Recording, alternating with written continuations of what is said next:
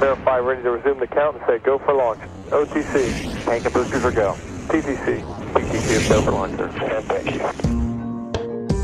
Velkommen til Rumsnak, en podcast om rumnationen Danmark og de danske rumaktiviteter inden for både forskning og forretning. Mit navn er Tina Ibsen. Jeg hedder Anders Høgh Nissen. Spænd selen og start nedtællingen. Vi er klar til affyring. One, zero, and liftoff. All right, uh, lift off and the clock has started. I denne her episode af Rumsnak, der skal det først og fremmest handle om kommercielle danske rumaktiviteter. Ja, det er altså big business i rummet. Og øh, det er sådan, at øh, hvis vi skal have ting i rummet, så koster det tid, og det koster penge. Det er svært at lave udstyr til rummet. Hvis man øh, bare tager et eksempel, jamen så for eksempel ESA's Planck-mission, som var sådan en mission, der skulle scanne hele rummet for mikrobølgebaggrundsstråling, øh, der kostede det i størrelsesorden omkring 700 millioner euro, eller 5 milliarder danske kroner. Så det er altså dyrt at sende, øh, sende ting i rummet. Det er sådan, at øh, normalt så, så siger vi altid, at det er ESA eller NASA-missioner. Men det er faktisk sådan, at hverken ESA eller NASA udvikler deres udstyr selv. Det er nogle opgaver, som de giver videre til private rumvirksomheder.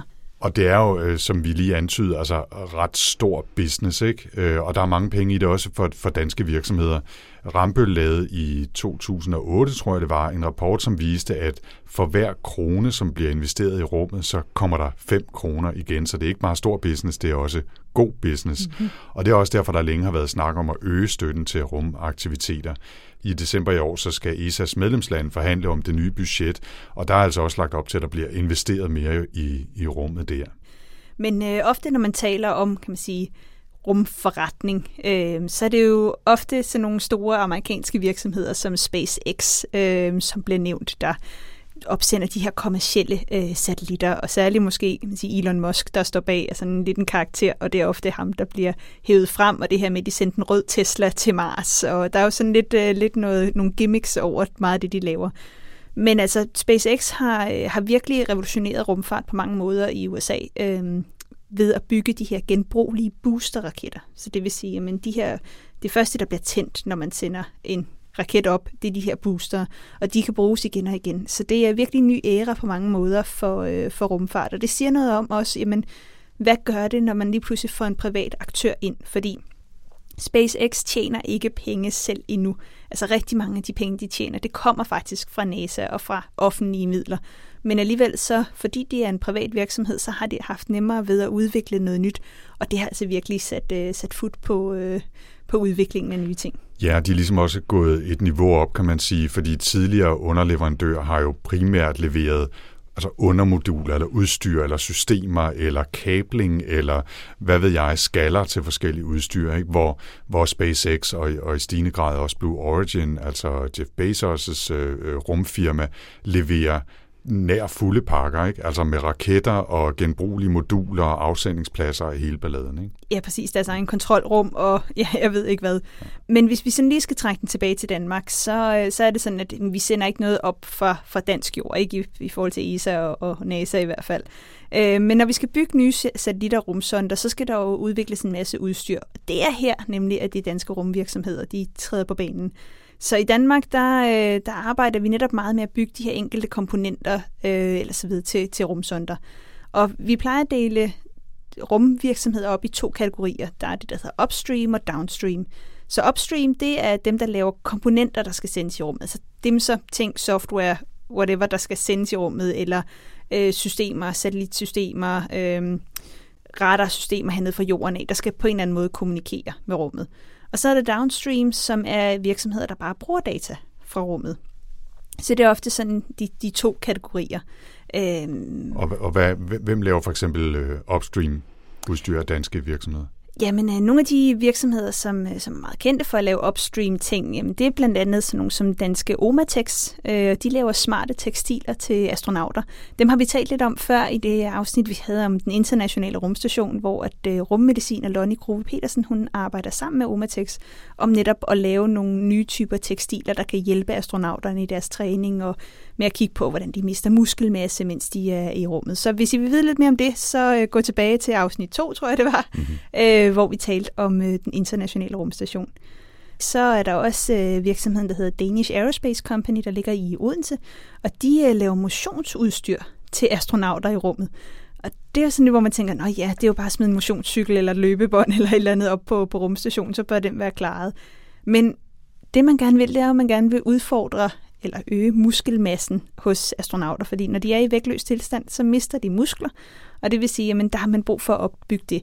Men man kan ikke bare sætte dem til at løfte nogle ting, fordi at ting har ikke nogen vægt. De, de vejer de ikke så meget det Ja. øhm, så hvordan sørger man faktisk for at udfordre kroppen, øh, når man kommer op? Og der har, øh, der har Danish Aerospace Company lavet øh, nogle ret smarte løsninger til det. Udover det, så har de faktisk også startet en mindre virksomhed, der, øh, der hedder Aquaporin. Og øh, de har lavet sådan nogle øh, membraner, der kan rense øh, urin, sved, diverse andre kropsvæsker. Øh, fordi som astronauterne har det med at sige, det er den kaffe, de drak i går, det er den kaffe, de drikker i dag, og den kaffe, de drikker i morgen. Ikke? For alt skal genanvendes. Så netop det her med at, øh, at genanvende væske, så man kan få rent drikkevand ud af det. Og det er også sådan et godt eksempel netop med aquaporin, om at ting, der udvikles til rummet, kan måske også have en eller anden form for anvendelse her på jorden. Og jeg synes også bare, det er lidt sjovt, at, at når vi taler om, om altså rumprodukter eller kommersielle øh, rumaktiviteter, så behøver det ikke have noget med raketter at gøre, eller for den sags skyld satellitter. Det kan også være udstyr til astronauter, hvad enten det så er dragter eller cykler eller membraner. Ikke? Jamen præcis, altså det er jo bare alt, alt der sendes i rummet, det er upstream øh, virksomheder. Men en af de små øh, upstream virksomheder, der faktisk har, har gjort det ret godt, øh, det er dem, der hedder Gomspace øh, i Aalborg, som laver sådan nogle små mikrosatellitter. Øh, og det er sådan en helt ny måde at tænke rumfart på, fordi de udvikler egentlig ikke så meget selv. De tager allerede lavet komponenter og laver sådan et samlebåndsarbejde og samler dem til de her små øh, minisatellitter, der kan sendes op til telekommunikation eller overvågning. Så det er sådan en helt ny måde, man, øh, man ser rumfart på øh, i dag. Hvis vi så skal tage et eksempel på en downstream virksomhed, altså et firma, som benytter sig af data for eksempel fra satellitter, så kan vi jo tage sådan nogle som danske øh, FieldSense. Øh, de laver blandt andet det, som de kalder for markovervågning, hvor landmænd så kan abonnere på en tjeneste, hvor de får billeder og, og data om udviklingen på deres marker. og Det kan være sundheder i afgrøderne med kort, altså sådan en slags overblikskort, ikke, hvor der både er data fra satellitter og øh, data fra sensorer, øh, så man kan få noget at vide om udsatte afgrøder og tørke og sprøjteskader osv. osv. Ikke? Øh, og, og det er altså et eksempel på, at man hiver data ned fra rummet og bruger det som en del af sin forretning, og det er også vigtigt. Men skal man gå tilbage og se på, på noget af det rigtig gamle, de der gode gamle danske øh, upstream virksomheder, jamen øh, der er den største danske rumfartsvirksomhed, det, det må være Thermaspace. Øhm, og virksomheden har hovedkontor i Lystrup, lige uden for Aarhus, øh, og har været en del af rigtig, rigtig mange øh, forskellige europæiske missioner, og har udviklet rigtig mange instrumenter til både rumforskning, men også kommersielle øh, rumaktiviteter. Og øh, vi havde øh, Senior Vice President fra Thermaspace, Carsten Jørgensen, i studiet til en snak om, hvordan det ser ud for den danske rumbranche. Den grundlæggende historie i Therma, det er, at vi hævder, at vi har sendt øh, udstyr i rummet, før at øh, man landede på månen øh, med de tidligere ESRO-satellitter, som kom før ESA. Og så senere hen, jamen, øh, jeg har jo beskæftiget mig med, med, med rumfart i, i 30 år, og øh, har været med i, igennem utrolig mange projekter. Og øh, det er alt fra landing på en komet, til øh, observation af jorden, til landing på Mars, og det ene og det andet og det tredje. Men vel nok en af de største øh, bedrifter, der er blevet lavet i Danmark, det var, da vi øh, fik sendt ASIM observatoriet op og sat på den internationale rumstation. Det var trods alt et projekt, der havde løbet i 12-14 år, og pengemæssigt langt det største, og også rent øh, konsortiummæssigt langt det største set i forhold til de øh, underleverandører, vi havde fra alle mulige lande. Og nu, nu er vi i gang med, ja, der er jo en, øh, en, øh, en landing på, på Mars, eller der er en opsendelse på Mars til næste år, hvor vi har lavet dele af den software, som sidder den rover, der skal køre. Og så har vi, er vi i gang med, at vi har lige vundet nogle kontrakter, blandt andet til en mission, der hedder Plato. Det, øh, det vi kalder powersystemet, der skal sikre, at øh, Plato kommer op og rent faktisk skal kigge efter eksoplaneter. Så der, der, der er rimelig meget, der, der foregår, synes jeg, i øjeblikket. Thermaspace, hvor stor en forretning er det sådan cirka i rundetal? Øh, Thermaspace ligger i dag på 250 millioner danske kroner. Og øh, det udgør cirka 15 procent af, af, af Thermas samlede omsætning. Hvem er det, der er jeres kunder? Jeg går det gerne op på den måde, jeg siger, at vi har ESA som kunde umiddelbart, men når de skal lave de store missioner, så er der øh, det, vi kalder tre primes. Det er Airbus, som de fleste kender, og så er det Thales, og så er det et firma, der hedder, et tysk firma, der hedder UHB. De går ind og får hovedentreprisen. Og det vi så mange, altså det vi gør, så bliver vi underleverandører på forskellige delsystemer. Og så har vi det, vi kalder non-ESA. Og øh, det er faktisk lidt af en milepæl for Therma, fordi at øh, vi har fået utrolig mange kunder uden for ESA. Bare for 5-6 år siden, der havde vi måske en øh, distribution af kontrakter, der hed, at 80% var ESA-baseret, 20% var noget andet. I dag der er det 50-50. Og øh, det er simpelthen på grund af ny teknologiudvikling, og så sker der så mange ting i, i øh, rumfarten i øjeblikket. Der er nye militære satellitter, der skal sendes op, og så er der alle de her konstellationer, som man, man, man også læser om, hvor vi også er med. Så, så øh, øh, det er sådan en anden type kunder. Ikke? Øh, det er sådan lidt mere kommercielt. Øh, selvom hvis man kalder det, det skal være en militær satellit, så er det stadigvæk kommercielt. Du nævnte et, et par eksempler på den elektronik og de, øh, de programmer eller den, de systemer, I leverer. Kan du ikke øh, fortælle bare en lille smule mere om, hvad det er for en type øh, produkter, I leverer i, i rumsammenhæng? Hvis vi tager det, øh, som vi kalder powersystemet, det er i, i bund og grund en strømforsyning. Det er det system, som er kernen i enhver satellit. Det er det system, der sørger for at hive strøm ud fra solpanelerne og distribuere den strøm rundt til øh, onboard computere, til øh, øh instrumenterne osv. Så, videre. så det er jo klart, hvis, hvis, hvis den fejler, øh, så er der ikke nogen mission. Jeg hævder gerne, at det er det mest kritiske, der sidder ombord på en, på en satellit. Det er strømforsyningen. Jeg kan huske, hvordan vi alle sammen holdt vejret lidt, da Rosetta skulle vågne efter sin, hvad var det, syv år, den havde været ude, så skulle den vækkes op, ikke? Og det var jo, jo også, om så, strømforsyningen kunne komme tilbage igen. Ja, ja, fordi den, den havde slet ikke været i bund og grund sådan funktionsdygtig i så lang tid, men det fungerede fuldstændig, som det skulle. Og endelig, hvis vi skal have noget mere elektronik på, så øh, leverer vi også stjernekameraer. Og stjernekamera, hvad er det?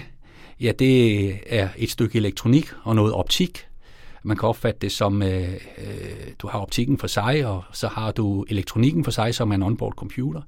Og den kigger simpelthen på stjernehimlen, og så giver den besked tilbage til hovedcomputeren om, hvordan og hvorledes at øh, øh, satellitten den egentlig peger. Altså, man vil jo gerne have panelerne mod solen, og hvis det er forskellige slags øh, jordobservationssatellitter, så øh, vil man måske gerne kigge meget øh, bestemt på jorden. Og der har vi rent faktisk øh, ja, inden for det sidste års tid har vi launchet to helt nye produkter inden for det, for det område. Hvis vi kigger på øh, det mindre konkrete, i hvert fald øh, det, som handler om software-systemer og, og ikke i, i lige så høj grad elektronik og hardware, hvad er, hvad er jeres, jeres fokus eller spidskompetencer der? Det er det, vi kalder onboard software. Det er den software, der sidder i hovedcomputeren, der rent faktisk styrer, hvordan satellitten den også peger rundt, og den bruger så vores stjernekamera også.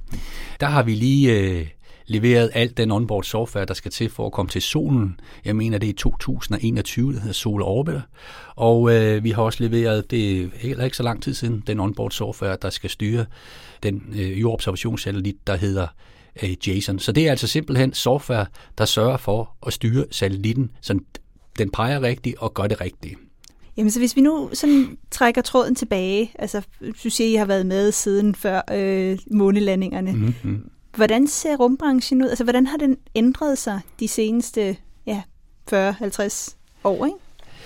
Altså, det der er det store skifte, og det er sket inden for de sidste 5-6 år, det er, at tingene er blevet mindre. Øh, altså, man kan i dag lave meget mere med små satellitter.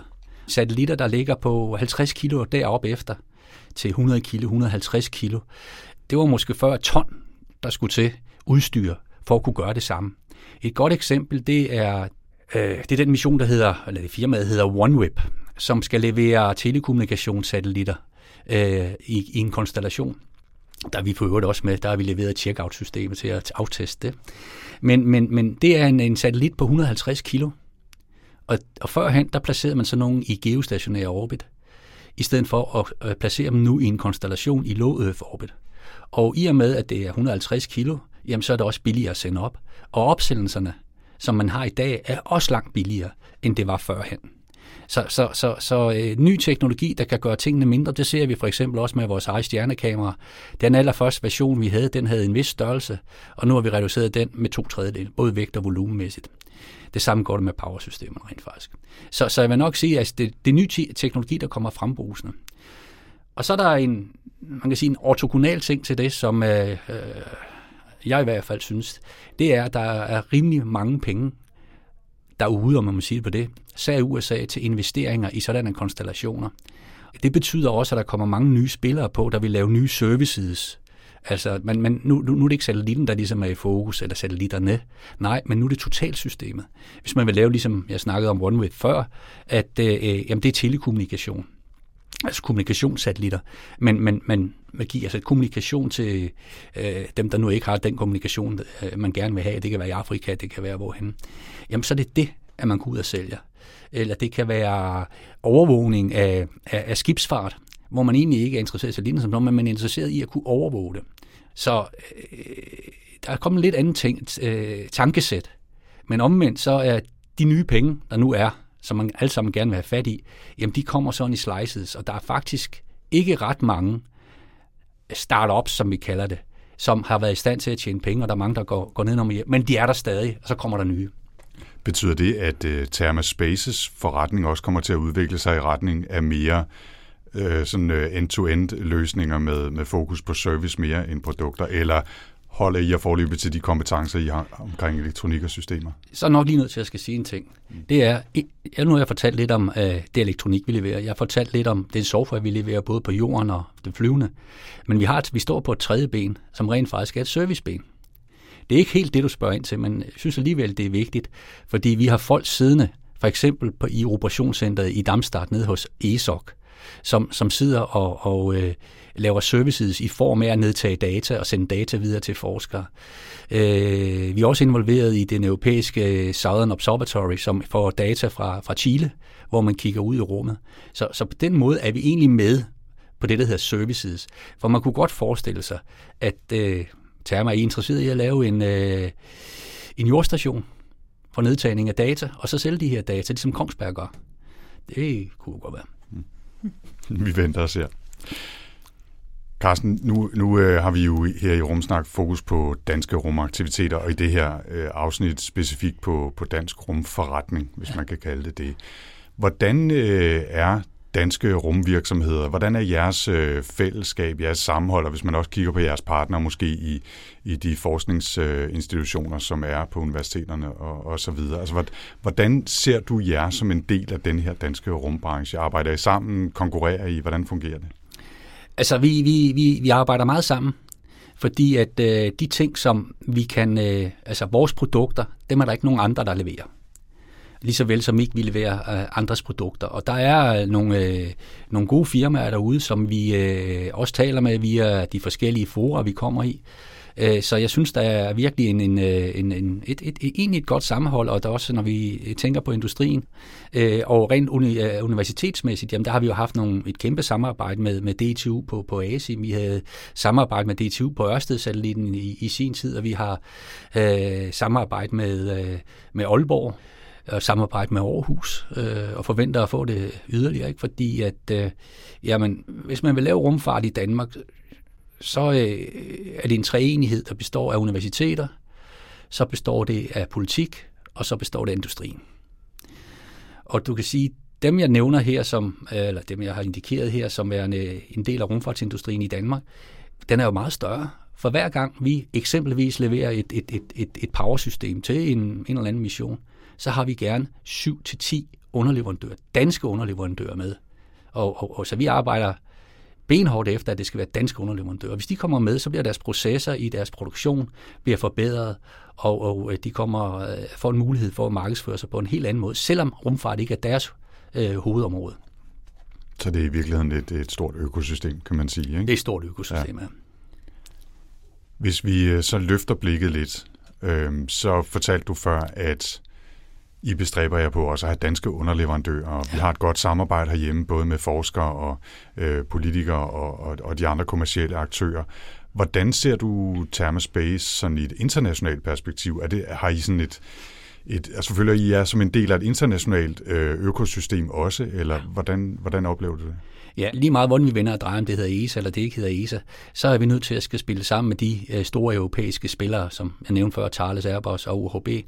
Og der laver vi simpelthen aftaler med dem. Øh, vi kalder dem long-term agreements, og øh, det gør vi og får lov til, fordi vi kan levere, og fordi vi er velset til at kan levere kvalitet. Og øh, vi har også øh, øh underskrevet øh, long-term agreements med amerikanske firmaer inden for den, det de kalder øh, New Space. Og, og det er igen, fordi vi har noget, de gerne vil have. Så på den måde, altså det danske, det, det, det, er dansk. Altså der har vi, tager vi de der underleverandører med, ikke? og så øh, får vi mulighed for at øh, igennem ESA øh, lave noget øh, research and development, fordi Danmark nu er med, og vi kommer med til at få afprøvet vores øh, nyudviklede produkter, på grund af, at vi er med i ESA, og så kan vi gå videre til ikke-ESA-ting. Det er egentlig det, der er humlen i det hele. Så hvis nu vi talt sådan lidt om jamen, både hvordan det ser ud i dag, og vi har været lidt inde på nogle fremtidige missioner også, men øh, hvordan, ser, hvordan ser fremtiden ud sådan, øh, for Therma og for, for branchen generelt ifølge dig, Carsten? Jamen, i, i, ifølge mig, så øh, øh, hvis man tager de rigtige beslutninger inde i Forskningsstyrelsen i øjeblikket, jamen, der ligger der kæmpe muligheder erhvervsmæssigt. Og det ligger inden for øh, det program, der hedder Copernicus. Fordi en ting er, at man kan komme med på ESA. Det er fint nok. Men den billet, man er med på på ESA, der skal man også kunne levere noget. Og så kommer EU bagefter, når de her første tre satellitter er lavet af ESA, og så bestiller de yderligere 10 måske. Så det bliver sådan en dobbelt opgearing, som der bliver mulighed for. Og øh, der kan man altså hurtigt tage en forkert beslutning, sådan så man ikke får udnyttet det. Og det, det er det, jeg frygter. Men ellers, hvis jeg kigger på det udefra, og med de øh, øh, treårs øh, ting, som, som vi kigger på i Thermospace, så, øh, så er jeg fortrøstningsfuld. Og det var altså direktør Carsten Jørgensen fra Thermospace. Og altså, nu ser vi det jo fast i slutningen af hvert rumsnak-afsnit, men øh, vi er jo støttet af Thomas B. Tris Fond, som faktisk er fonden bag Therma. Så nu er kortene lagt på bordet. Øh, det er dem, der, der sørger for, at vi kan sende rumsnak hver 14. dag. Lige præcis. The pilot has successfully completed three out of four orbital flights. We have had 100% success on our manned flights.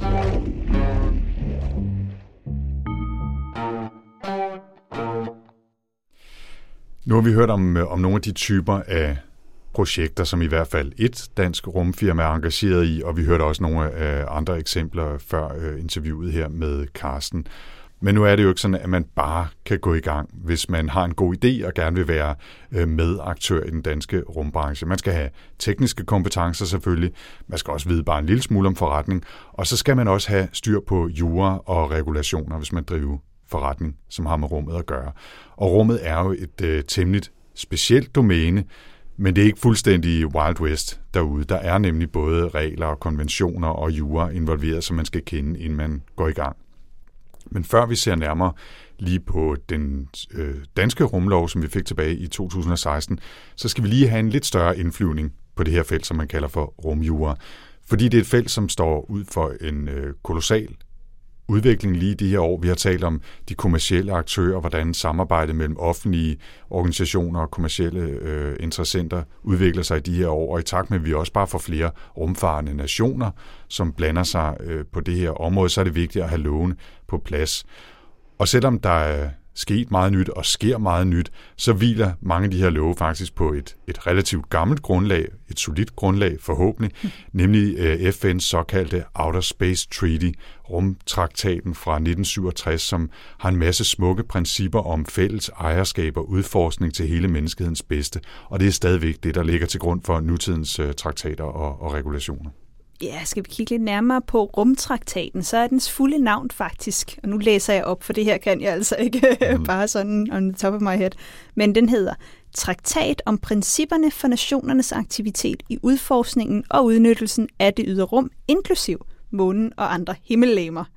Så den fokuserer altså blandt andet på, at vi alle sammen ejer rummet, det er en fælles ejendomsret, og vi kun må øh, bruge rummet til fredelig udnyttelse. Og traktaten begynder så flot, at udforskningen og udnyttelsen af det ydre rum, inklusiv månen og de øvrige himmellegemer, skal ske i alle nationers interesse og til alle nationers bedste, uanset nationens økonomiske og videnskabelige formåen, og resultaterne skal tilhøre hele menneskeligheden. Altså, sådan, ikke? Sådan laver man en traktat. Det, det klinger flot. Ja, det vil jeg nok sige. Der, er, der er lidt format og lidt svung over det, mm. ikke?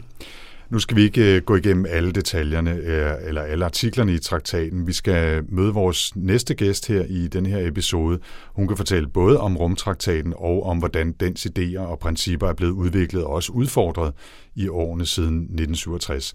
Vi har nemlig talt med jurist Thea Flem Detlefsen, som er uddannet i rumjura og som i dag arbejder hos ESA, hvor hun især fokuserer på kontrakter og udbudsret. Og så har hun jo også involveret i en masse frivillige aktiviteter med diskussionsgrupper omkring rummet og den slags. Men her fortæller Thea Flem altså om rumtraktaten og om, hvordan den rumjuridiske verden ser ud i dag. Rumjura er de regler, som øh, regulerer menneskelig aktivitet ude i rummet. Det er baseret på fem traktater øh, fra FN, øh, som blev lavet dengang, øh, da rumaktiviteterne startede. Altså fra øh, 1967 er traktaten for det ydre rum, øh, som kan ses som øh, fundamentet for de her regler. Øh, og den indeholder en række principper om, hvordan stater skal opføre sig, når de er ude i rummet. Grunden til, at man, man så, øh, at der var et, et grundlag for at have sådan nogle regler, var jo, at man især havde øh, USA og Sovjetunionen dengang på hver sin side, og man øh, havde et behov for at sikre sig, at øh, aktiviteterne ude i rummet også foregik på fredelig måde. Øhm, og faktisk den komité i FN, som, øh, hvor de her regler blev skabt, hedder også Committee for the Peaceful øh, Purposes of the Outer Space der er jo også en række andre øh, traktater, som, som handler om forskellige aspekter af de ting, der foregår i, i rummet. Jeg ved ikke øh, til, om du også lige hurtigt kunne give en introduktion til, til redningsarbejde og månedstraktaten osv. Ja, så hvis vi ser øh, traktaten for det ydre rum som fundamentet for de her regler, så har den afledt en række principper, som blandt andet er Øh, øh, som du siger, redningsarbejde for astronauter. Astronaut Rescue and Return Agreement hedder den. Øh, og det er faktisk det korte navn af den. Øh, som handler om, at man så astronauter som øh, menneskehedens udsendte. Og det betød, at øh, man alle stater samlet set har et ansvar for at sikre sig, at hvis der er en astronaut, som af den ene eller anden årsag er øh, i en nødsituation, så skal man gøre øh, det, som man kan for at redde dem. Øh, så er der også øh, noget, der hedder registreringskonventionen, som handler om, at man skal registrere de rumobjekter, man sætter ud i rummet. Øhm, og det er også for, at man kan holde øje med, hvor mange og hvem, øh, der sender øh, ting ud i rummet. Øh, den, problemet ved den traktat er, at der desværre ikke er så mange, der efterlever den. Øh, men, øh, men ideen bag den er i hvert fald øh, er meget brugbart, især når vi kommer til den anden traktat, øh, som er ansvarstraktaten, øh, som bestemmer, sætter bestemmelserne for, øh, hvad der sker, hvis der sker en ulykke, øh, som involverer rumobjekter. Øh, her øh, sondrer man mellem ulykker, som sker på jorden, og ulykker, som sker ude i rummet. Øh, og det gør man, fordi at de øh, ulykker, som sker på jorden, der har man objektivt ansvar. Det betyder, at uanset om den stat, som har opsendt øh, det her rumobjekt, rent faktisk er skyld i, at øh, den her ulykke sker. For eksempel kan det være, at der var en anden, øh, en anden stat, som på en eller anden måde har gjort, så den her øh, rumobjekt falder ned på jorden igen. Øh, så er det den, som, som gør skaden, altså forårsager skaden, som skal bære ansvaret, fordi at man ser på sådan et øh, victim-oriented øh, perspektiv. Og det er måske lidt sværere end som så, fordi at der jo ikke er lige de samme overvågningsmuligheder, som der er på jorden, når der sker en ulykke. Og så er der et helt andet perspektiv, som faktisk er, jamen, hvem bestemmer, hvad der er rigtig eller forkert opførsel ude i rummet. Fordi selvom vi har de her traktater, så over, øh, indeholder de en masse grundlæggende principper, øh, hvorfra vi så som rumjurister skal fortolke øh, hvordan de her øh, skal forstås. Så der er øh, en del, skal vi sige, huller i øh, rumtraktaterne, som er, er skabt dog med vilje, øh, fordi at man jo vidste, at det her var en, øh, en industri, som ville udvikle sig, øh, og øh, det har den jo også gjort, skal vi sige, både fra et teknologisk perspektiv, men også i forhold til, hvilke aktører, som er aktive ude i rummet.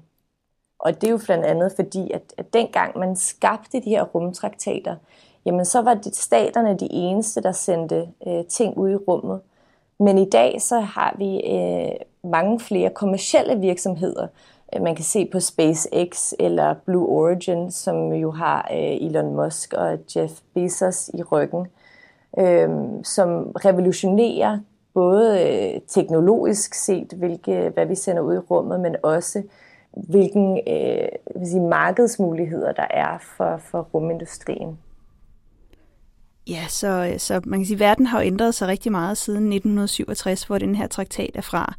Hvordan, øh, hvordan sørger vi for at holde alle de her private aktører, som nu er kommet ind på markedet i ørerne, hvordan sørger vi for, at de også overholder de regler, der er, der er sat? Jamen det er faktisk op til staterne selv. Og det er fordi, at øh, de her traktater er som sagt øh, orienteret mod staterne. Og det betyder, at øh, hvis der er en dansk virksomhed, som sætter noget ud i rummet, selvom at den danske stat absolut intet har noget med den her aktivitet at gøre, så bliver det staten, som er ansvarlig for de øh, skader, som den muligvis øh, vil, øh, vil lave. Øhm, og derfor så har staterne et, en interesse i at regulere rumaktiviteter på et nationalt niveau, som de gør gennem øh, de nationale rumlove. Øh, Øh, og det er blandt andet også derfor, hvor, øh, hvorfor Danmark har sin egen rumlovgivning. Øh, for at sikre sig, at man allerede har taget stilling til, øh, hvordan man opdeler ansvaret øh, i sådan en, en, en situation. Samtidig så er der også et ansvar, som ligger for staterne, at de skal overvåge deres aktiviteter ude i rummet, øh, og man skal kontrollere dem. Og det øh, derfor så indeholder øh, de her øh, nationale rumlovgivninger et krav om, at man skal have tilladelse, øh, altså man skal opfylde nogle betingelser, før man får lov. Øh, og det kan blandt andet måske være teknologiske krav, men også øh, spørgsmål om for eksempel, hvad man skal gøre efter, at rumobjektet er øh, ude af funktion.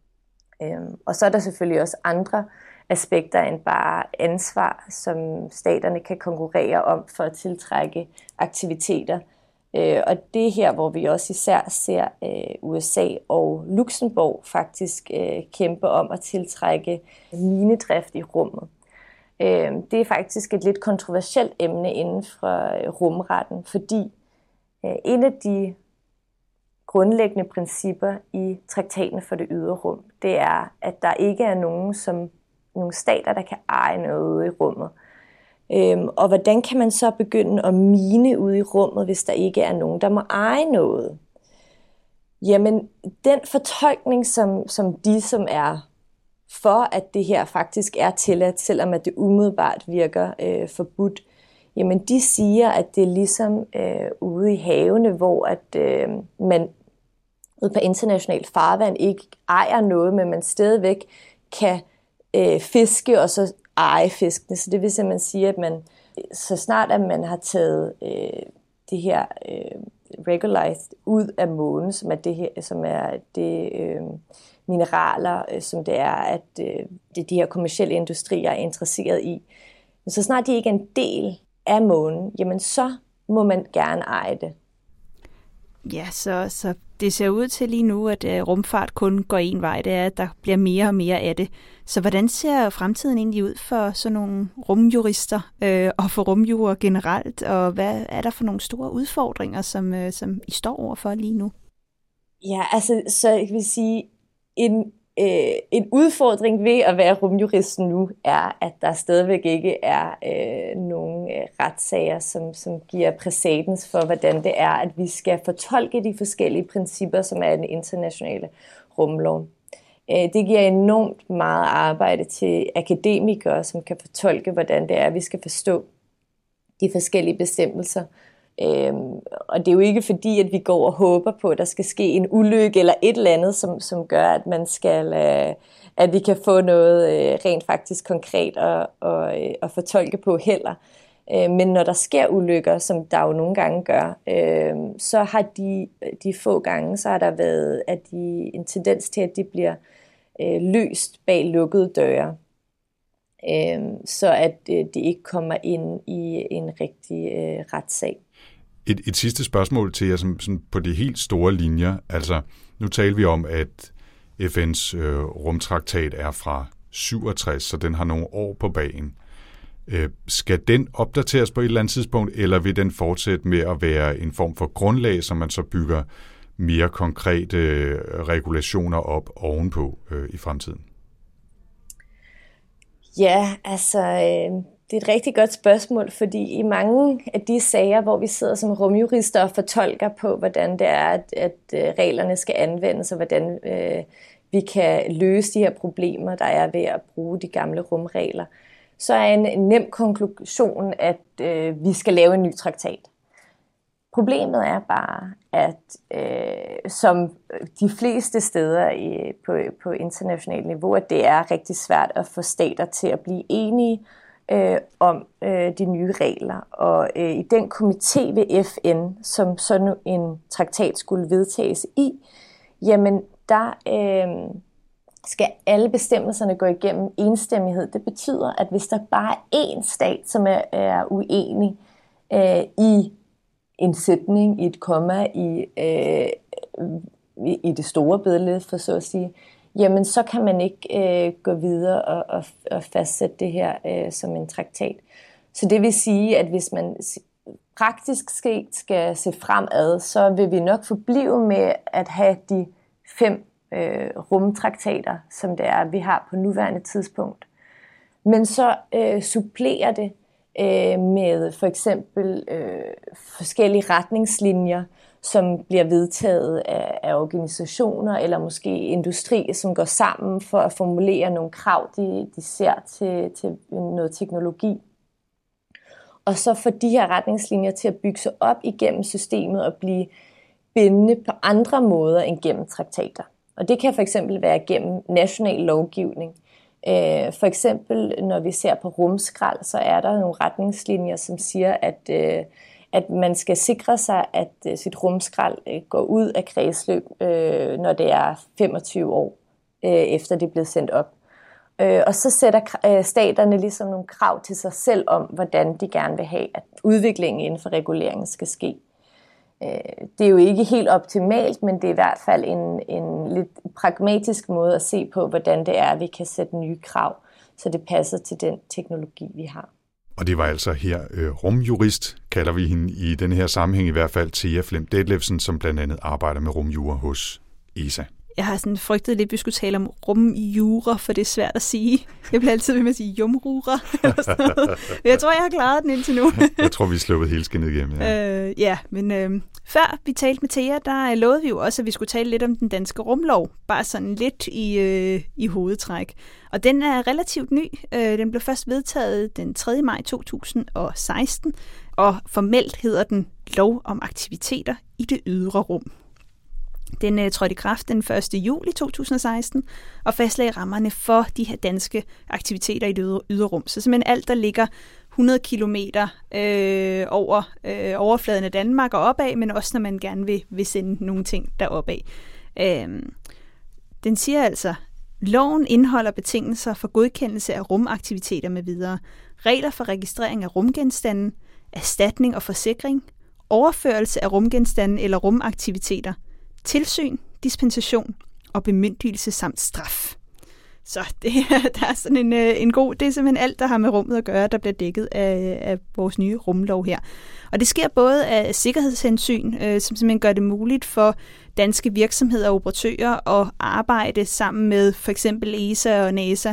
Øh, fordi det er sådan, jamen hvis... Øh, hvis der er et eller andet, der går galt på vej op, hvem har så egentlig ansvaret? Øhm, og det har været svært at placere, indtil at man fik, øh, fik lavet den her danske rumlov. Så den handler simpelthen om at skabe nogle trygge rammer, så virksomhederne kan udnytte det potentiale, som, øh, som ligger i rummet, og det store potentiale, der også ligger fremadrettet. Ja.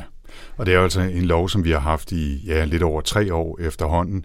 Øhm, men jeg så for nylig, øh, hvis vi lige skal runde af på en aktuel historie, så jeg en historie på, på DRDK, som handler om, at der måske kommer en tilføjelse til rumloven. Det er i hvert fald noget, som regeringen har budt op til i deres øh, lovforslagskatalog. Øh, Øh, og hvis jeg lige skal citere her fra DRDK, så skriver de, at regeringen har i sit nye lovkatalog skrevet, at der skal laves en ændring i loven om aktiviteter i det ydre rum, så ikke statslige operatører får forbud mod at sende større raketter op fra dansk territorium og farvandet omkring Danmark.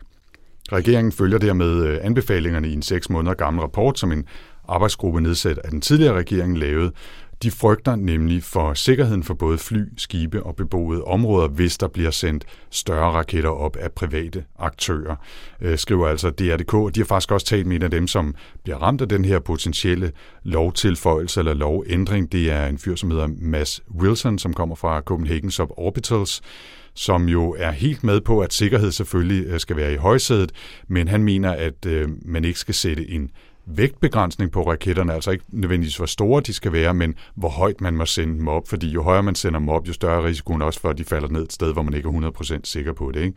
Øh, og, og derfor så, så ønsker han, at, at man ser en justering af den her øh, formodentlig kommende lovændring, når det gælder øh, danske opsendelser. Så vi må se, hvor, hvor det fører hen af. Ja, men det siger jo også noget om, at netop at den her branche er i rivende udvikling, og der sker meget, så man simpelthen bliver nødt til hele tiden at justere og finde ud af, okay, nu har vi en flok glade amatører, som gerne vil sende øh, raketter op. Har vi overhovedet lovgivet for det?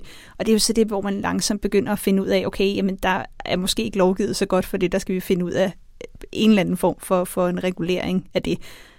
Om det så går den ene eller den anden vej, det ved vi jo så ikke endnu i forhold til det her lovforslag. Okay, it's a nice ride up to now. Og med det så er Rumsnak landet for denne gang. I næste episode så ser vi på missioner til vores naboklode Månen. Det er nemlig i år 50 år siden, at de første mennesker landede på månens overflade, og meget tyder på, at der er et nyt kapløb undervejs. Det bliver spændende at følge med i, og vi håber, I vil lytte med igen her i Rumsnak. Ja, hvis man gerne vil vide mere om Rumsnak, så kan man gå ind på rumsnak.dk, eller man kan gå ind på vores Facebook-side, facebook.com rumsnak. Man kan også skrive til os på Twitter med hashtagget Rumsnak. Man kan også skrive til mig. Jeg findes på at Tina Ibsen. Og jeg findes på at Anders Stade 4ND3RS. Og vi tager altid meget gerne imod input og idéer. Og husk, hvis du synes, det har været spændende at lytte til Rumsnak, så anbefal det meget gerne til øh, familie, venner, kolleger og andre rumnørder derude. Og hvis du skulle have lyst til at give Rumsnak en rating i iTunes, så vil det også være rigtig fornemt. Vi bestemmer ikke, hvor mange stjerner du har lyst til at give, men bare en anmeldelse er fint nok. Så vil vi være glade. Jeg, kan, jeg var inde og kigge, vi har otte anmeldelser indtil nu. Det tænker jeg godt, vi kan gøre bedre i hvert fald. Ja. Men øh, ja, Rumsnak er sponsoreret af Thomas B. Tries Fond, og den bliver produceret af Potlab. Jeg hedder Tina Ibsen. Og jeg hedder Anders Søge Nissen. Tak for denne gang.